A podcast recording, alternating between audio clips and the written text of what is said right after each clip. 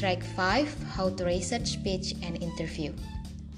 So, how do journalists decide uh, on a topic? So, when journalists is choosing a topic, they need to think about two things. First, what are they interested in? Second, what is interesting to other people? So, a topic is a subject or an issue. Topic is a subject or an issue so, topic is a very important part in journalism because if there is no topic, then what news will be presented?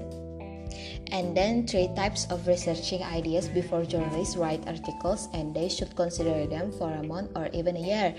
Uh, the three main section or types of articles about sources of information and journalists users in the video, namely news stories, journalism, and human interest stories stories, or longer articles that focus on a person as a way to talk about current events.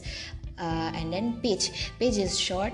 Pitch is a short description of a story that journalists uh, want to tell. So it's important to say first and foremost why is the story newsworthy or why is a story that should be in the news.